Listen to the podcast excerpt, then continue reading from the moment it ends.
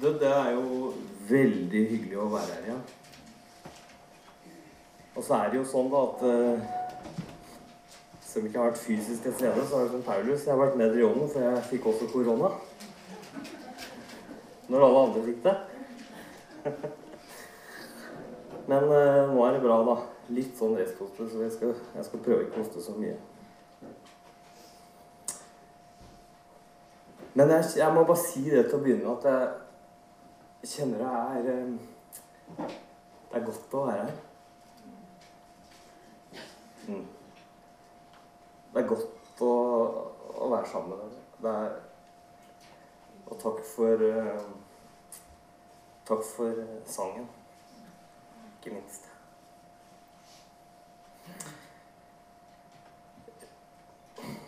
Jeg skal det, det her er det jeg syns er gøy. Jeg skal utlevere meg sjøl i dag.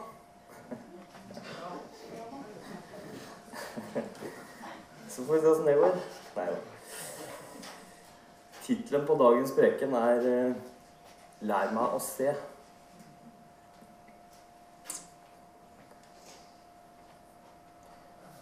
Da Jeg ser ut i et stumt mørke. Sansen som skal klargjøre alt, fungerer ikke. Hvor mange ganger har ikke jeg bedt om lys? Hvor mange ganger har jeg ikke bedt om hjelp? Og her sitter jeg og kan ikke gjøre annet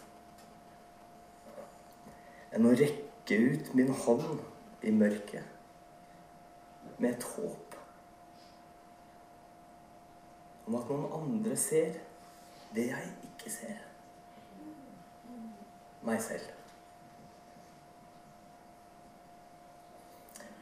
Lær meg å se som du ser, Jesus. Det er en bønn. Det er en intensjon. Og det er et godt ønske jeg har bedt og uttalt mange ganger for meg selv. Og mange ganger uten noen tilsynelatende stor effekt.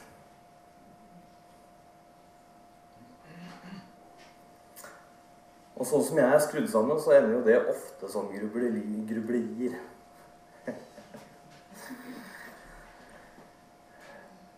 Når jeg vet at jeg er elsket av Gud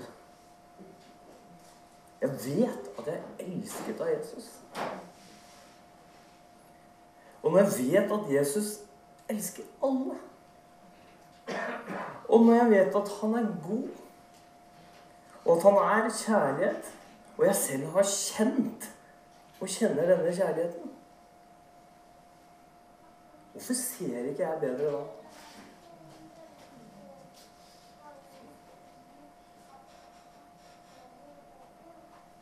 Og det er en slags sånn underveiskommende konklusjon av det her jeg skal prøve å si noe om i dag.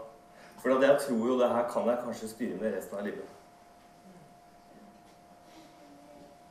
det å ønske om å se bedre. Og jeg tror ikke jeg er aleine om å ha bedt den bønnen.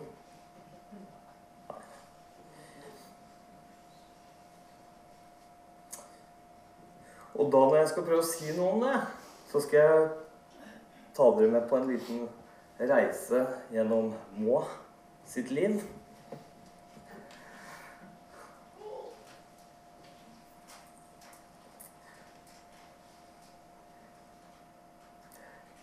Jeg har jo min første opplevelse med Jesus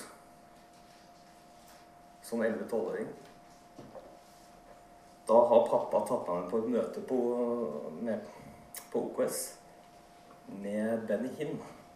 Og for de som ikke vet hvem Benny Hinn er, det var jo den store mirakelpredikanten på 90-tallet. Og det var stort når han kom til lands, og der var vi. Eh, på slutten så var det jo en invitasjon til å ta imot Jesus. Og jeg rakk opp handa. Jeg kan ikke huske noen megaopplevelse. Jeg har ikke sånn bak OKS eh, 1993 da. Jeg har ikke det. Det jeg har, det er at en liten stund etter her så husker jeg en forelskelse i Jesus oppstår. Ikke noe annet ord på det. Jeg blir forelska.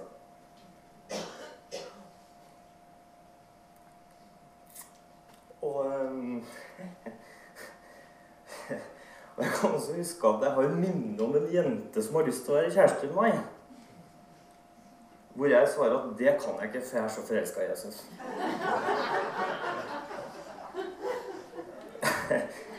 Jeg tror hennes begeistring for meg forsvant fort i det svaret der. Jeg kan ikke huske å ha hørt noe mer heller. Men den eh, forelskelsen uttalte seg sånn at det var hjem etter skolen, og så var det å sette på lovsanger, og så var det å være i den her atmosfæren av godhet og kjærlighet. Og det, det var Jesus.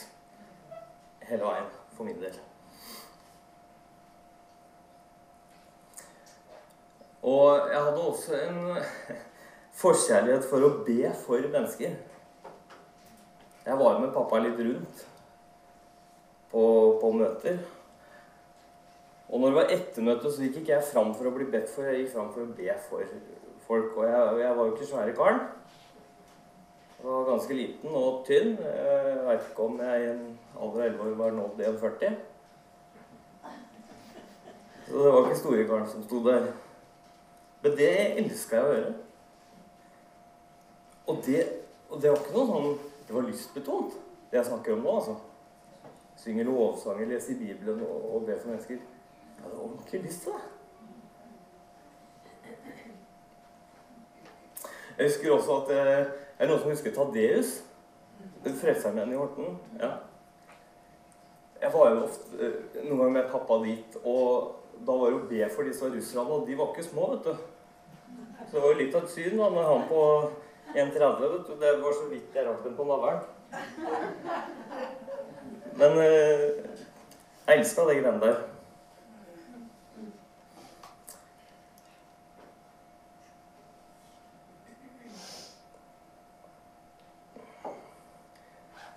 Ungdomstida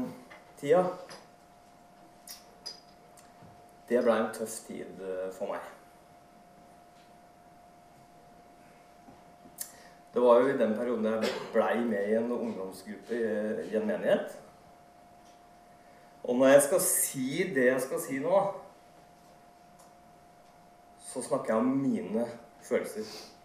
Sant? Det er veldig viktig for meg å påpeke. Det var masse flott i den ungdomsgruppa og i den menigheten. Men det er veldig viktig for meg å legge trykk på at det er, mine, det er ting som skjer i meg. Eh, For de som er av min generasjon, så husker man nok Kåre Skuland, skolelaget eh, og Stefan Kristiansen med 'Jesus Revolution'.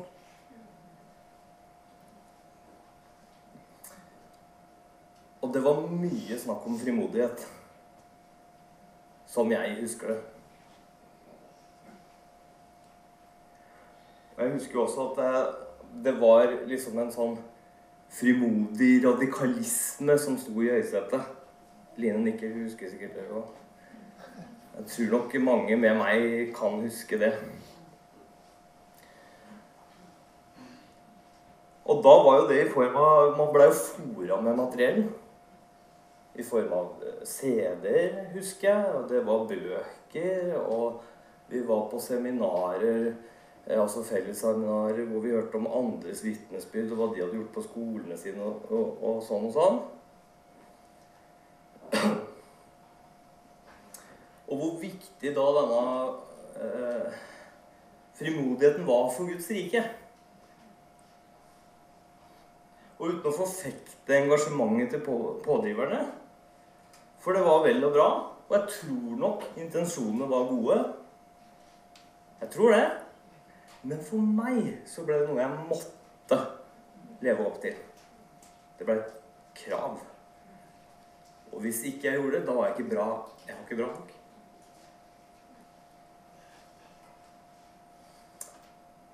Og jeg tror dette er begynnelsen på min blindhet.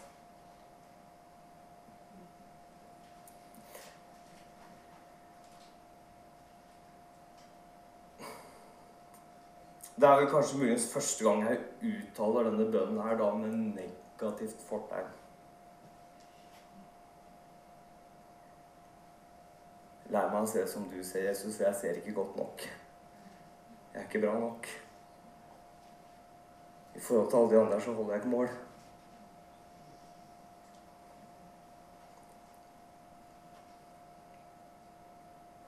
Jeg husker en strevsom tid.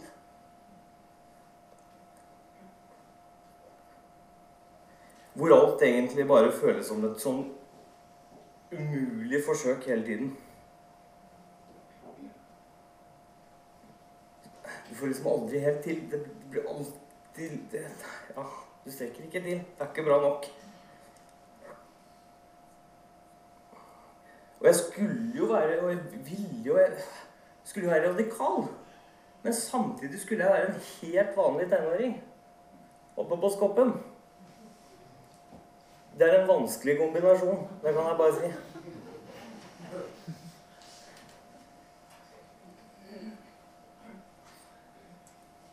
Jeg kjøpte meg Jesus Freak-klær. Jeg leste Guds generaler, hvis det er en bok som forteller sier noe om, til noen av dere. Det er en bok om store Guds menn i vår tid. Og jeg leste boken Jesus Freak, som handler om folk i vår tid som går i martyrdøden i forskjellige regimer. Her snakker vi om å være 13-14 år. De gønner på. Og det er klart, når du leser sånne bøker om disse menneskene her, da blekner all annen livsproblematikk. Som en 14-åring kan ha. Det er liksom Det er ikke noe forhold, da. Men det er sånn man skal ha det som 14-åring også.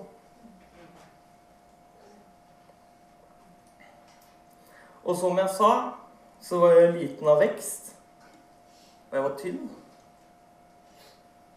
Og når jeg da på ungdomsskolen var en uttalt kristen som dukket opp i Jesus Freak-klær, da ble jeg det perfekte mobbeofferet.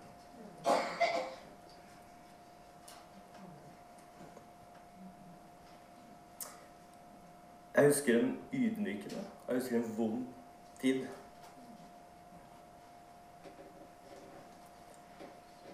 Jeg ble brukt som mopp på gulvet av den største i klassen.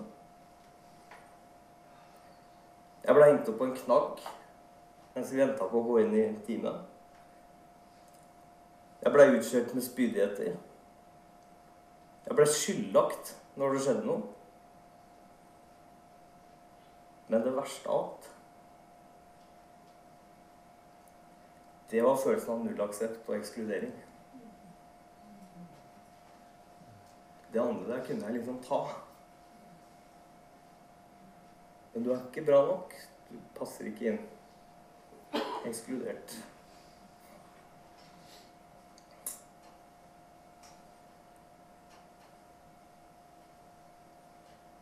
Og det gjør jo til at man begynner å gjøre en del ting for å passe inn. Selv om man ikke vil. Selv om det er på tross av dine egne verdier. Så gjør du det. For du har så lyst til å passe sosialt. Så er en del av. Så er det ikke det likevel.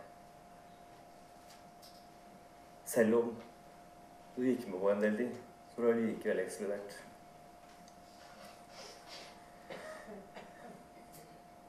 Og det blei jo spesielt tøft, da.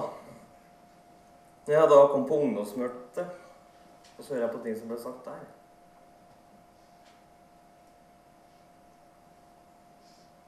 Og så har du gjort en del ting gjennom uka som du ikke akkurat er stolt av.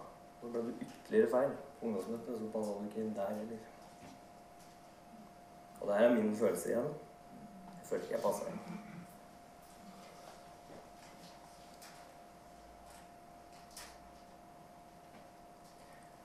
Så begynte man å prøve der også. At man kunne å passe inn. Si de riktige tinga, be de riktige bønnene. Synge de riktige sangene.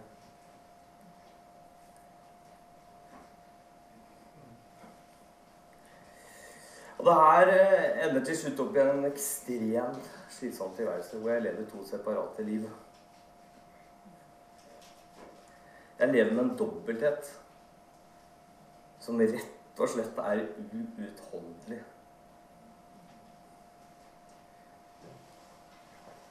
Jeg tror det eneste jeg hadde en periode, var min relasjon til Jesus.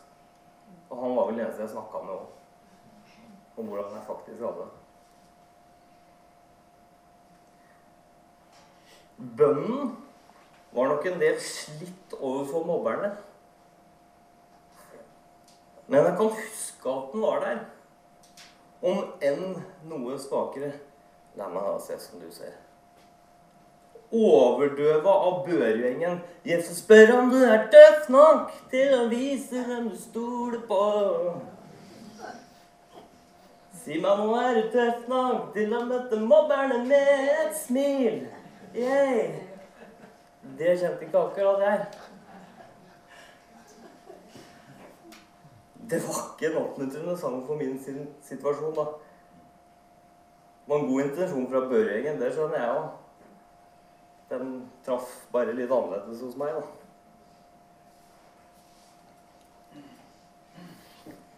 Alt det her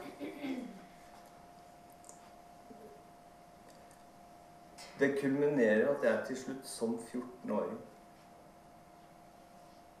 bestemmer meg for å ta livet mitt.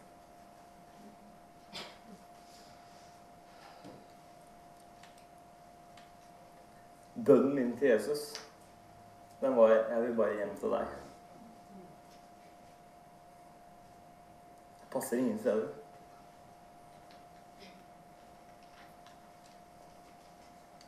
Og det var liksom også feil. Ikke sant? Som kristne kjenner det.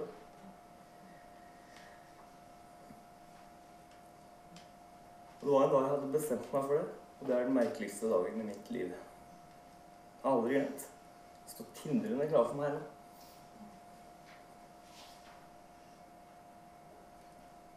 Alt prella av den dagen.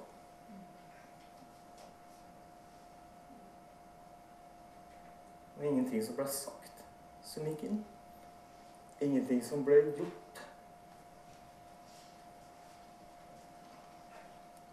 Hadde noen effekt. Så jeg visste at nå var det liksom over da. Det går bra. Den tar jeg.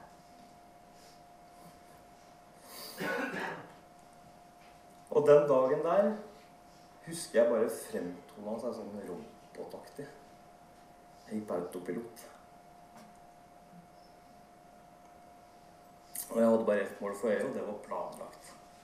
Jeg visste at når jeg kom hjem, så var mamma og pappa på jobb, og begge storesøstrene mine var jo fortsatt på skolen.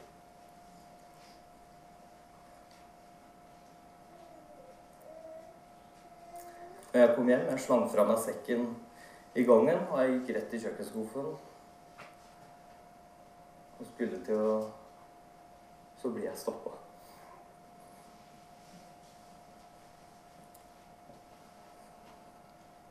Og det er helt enkelt. En klar indre eller ytre stemme som forteller meg 'Jeg elsker deg'.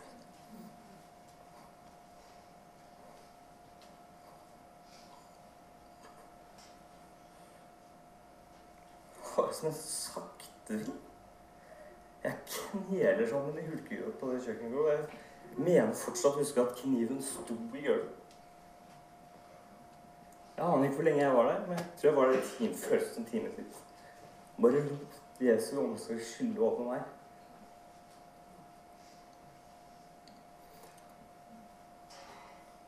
Jeg har sikkert hørt deg sagt det noen ganger, at eh, Jesus er bånd i bøtta for meg. Og det er han. Han er det. Uansett hvor mye jeg detter eller faller, så er det en bånd her.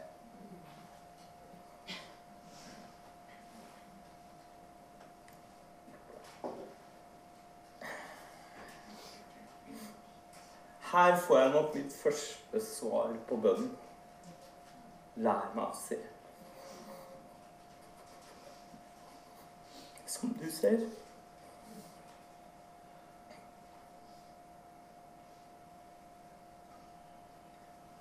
Jeg skjønte det kanskje ikke da. Men det var en begynnelse. Tida etter så får jeg bytta klasse, ting blir bedre på skolen. Jeg får tatt opp med storesøstrene mine. De har jo vært noen fantastiske støttespillere for meg gjennom oppveksten. Og vi har jo fortsatt god relasjon, så man skal vel aldri undervurdere søskenkjærlighet. Men sår, og spesielt en såra selvfølelse, det er en lang vandring. Og la meg tilføye en lang endringsprosess over flere ledd. Jeg fortsatte jo som før i ungdomsmiljøet. Dobbeltlivet fortsatte. Jeg streva etter å finne min plass hos vennene mine i ungdomsmiljøet, i menigheten og utenfor.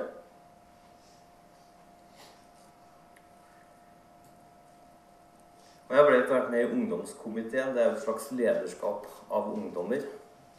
Med ungdomspastoren som øverste leder. Og jeg husker bl.a. niskrubbing av røykefingre før ungdomsmøter. Dusjing så de fikk å lukte røyk. En uvane jeg hadde med venner utenfor miljøet som ikke passer miljøet i menigheten. Så dro vi på møte. Nydusja og fin. Så for å fatte historien kort, så ender jeg opp som en utbrent 18-åring. Jeg trer ut av komiteen, og så bestemmer jeg meg for å reise på OKS bibelskole. Jeg reiser inn til Lillestrøm med nytt mot, med en god følelse av løsrivelse og frihet. Det er jo bare ett problem.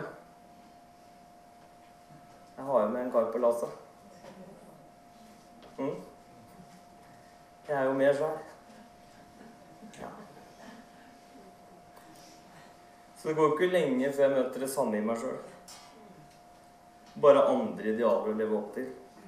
Og undervisninga på OKS var kjempebra. Og jeg har tenkt på det kanskje seinere i livet har jeg ubevisst tatt opp, for det var mye snakk om nåde. Jeg var ikke moden nok. Det kan jeg si nå. Og ikke klar. Sånn sett. Men så skjer nå det som skjer, så kanskje var jeg klar likevel. Kanskje det må skje på måter man ikke forstår selv.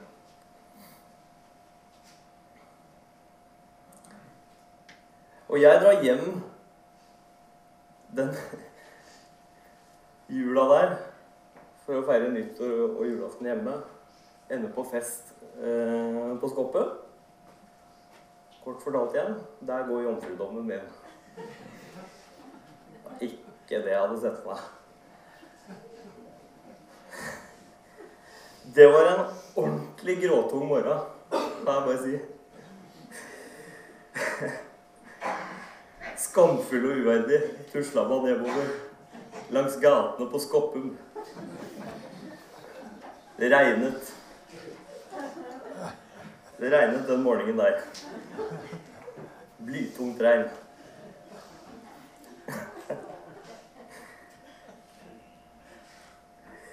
Det føltes jo som at det siste halmstrået mitt røyk.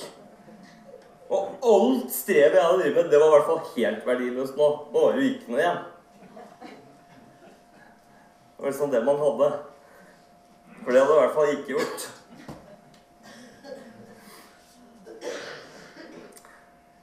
Og som dere skjønner, så blei det lite bibelskole på meg det siste halvåret der. Hvis, hvis, det, hvis det kom som overraskelse, kan godt fortelle det. Det blei vel sånn cirka ikke noe.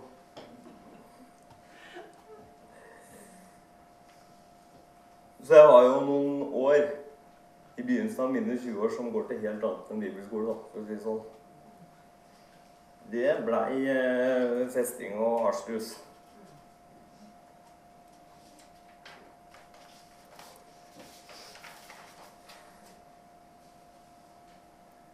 Såpass mye at det til slutt piker på min lenge pågående identitetskrise.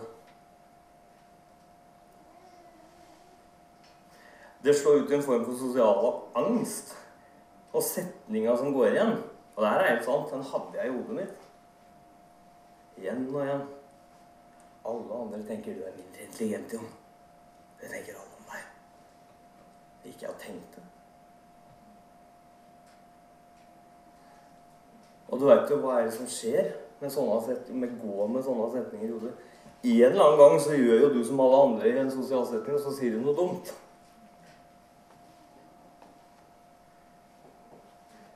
Det skjedde jo.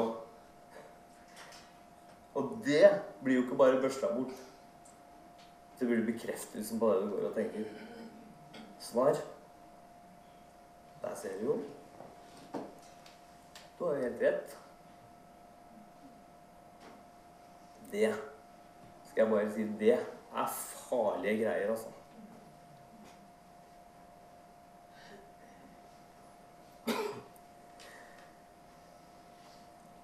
Jeg ender jo til slutt opp i fosterstilling en morgen etter en fest. Gråtende og plaget.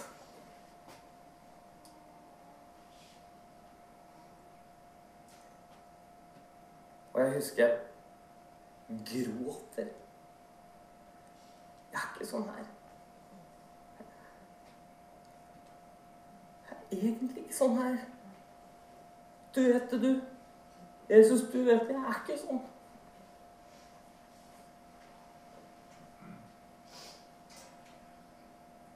Svar? Jeg elsker deg jo. Oi.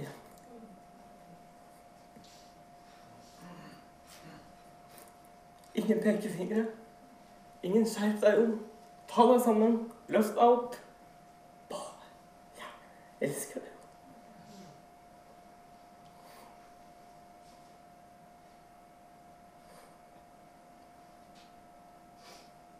Nåde og omsorg. Denne gangen begynner bønnen å demne for meg. Lær meg å se som du ser.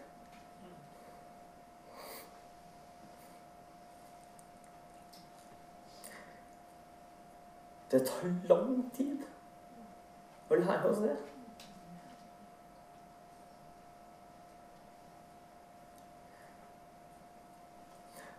Jeg har lyst til å lese fra Johannes.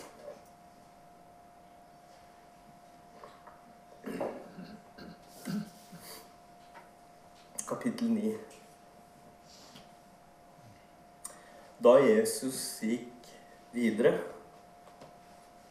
fikk han øye på en mann som hadde vært blind fra fødselen. Disiplene hans spurte han og sa, 'Rabbi, hvem har syndet denne mannen eller hans foreldre siden han ble født blind?' Jesus svarte, 'Verken denne mannen eller hans foreldre har syndet.' Men dette skjedde for at Guds gjerninger skulle bli åpenbart på ham. Mens enhver dag må jeg gjøre hans gjerninger, som har sendt meg. Natten kommer da ingen kan arbeide. Så lenge jeg er i verden, er jeg verdens lys. Da han sagt alt dette, spyttet han på jorden og lagde en deig av spyttet. Han tok deigen og smurte på øynene til den blinde, og han sa til ham, Gå og vask deg i Silvadammen. Det betyr utsett. Så gikk mannen og vasket seg og kom seende tilbake.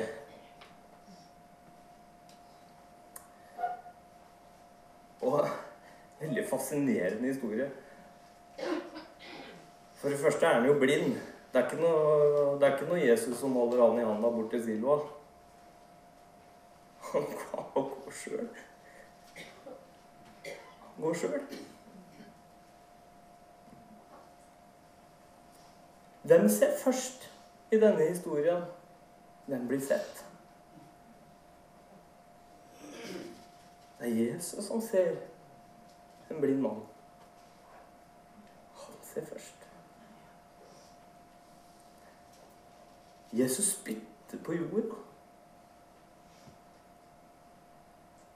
Hvilken annen bibelhistorie kan jeg dra likhets fra her? Da tenker jeg med en gang på skapelsesberetningen, hvor Gud bruker jord for å forme i sitt bilde.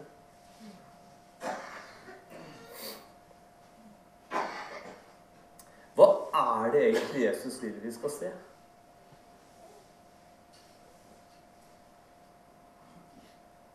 Han trengte å vaske sine øyne. Det her tror jeg, hvis jeg får bare arrestere meg, at det var eneste gangen, tror jeg, hvor Jesus gjør et mirakel. Han gjør et mirakel på forskjellige måter, men hvor han gjør det på den måten her.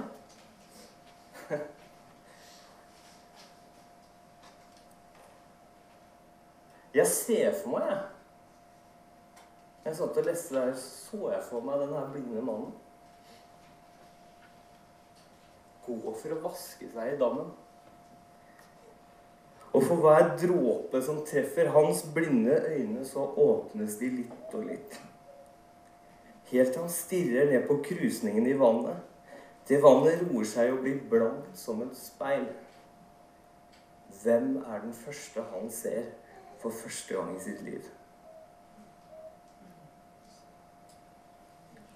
Han ser seg sjøl.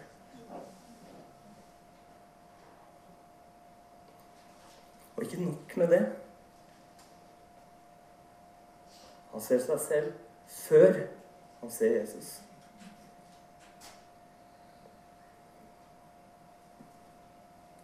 Det vil si, han er berørt av Jesus, men han har ennå ikke sett ham. Så han vet jo ikke hvem det er som har rørt ham. Dette kommer jo frem lenger ned i teksten når fariseerne må ha et langt avhør av denne blinde mannen. Helt til han står foran Jesus.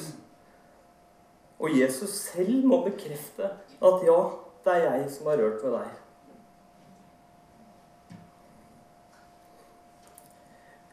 Jesus se meg først, slik at jeg kan se meg selv som jeg er. Som Gud har skapt meg. Med evnene han har gitt meg. Jesus ser verdi lenge før jeg klarer å se det sjøl. Og Jesus, han gir oppreisning. Lenge før jeg klarer å reise meg selv opp.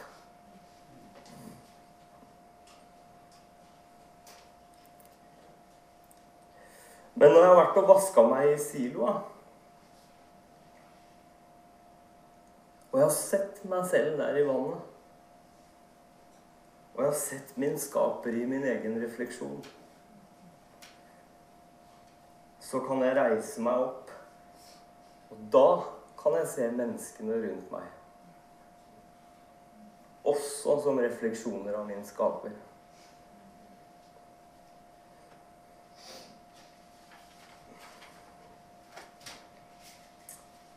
Og kanskje så må jeg flere ganger til siloa for forskjellige ting i livet mitt.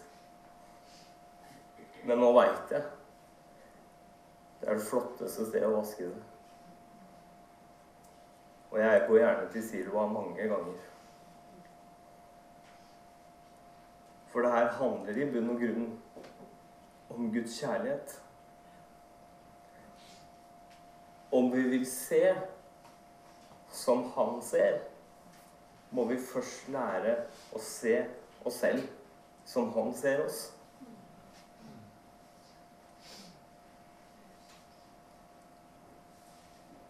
Og han ser på deg. Her kan jeg si med livserfaring. Han ser på deg med uendelig kjærlighet. Og han ser deg med verdi. For du i deg selv er verdifull. Og du betyr noe. Lær meg å se som du ser. Takk.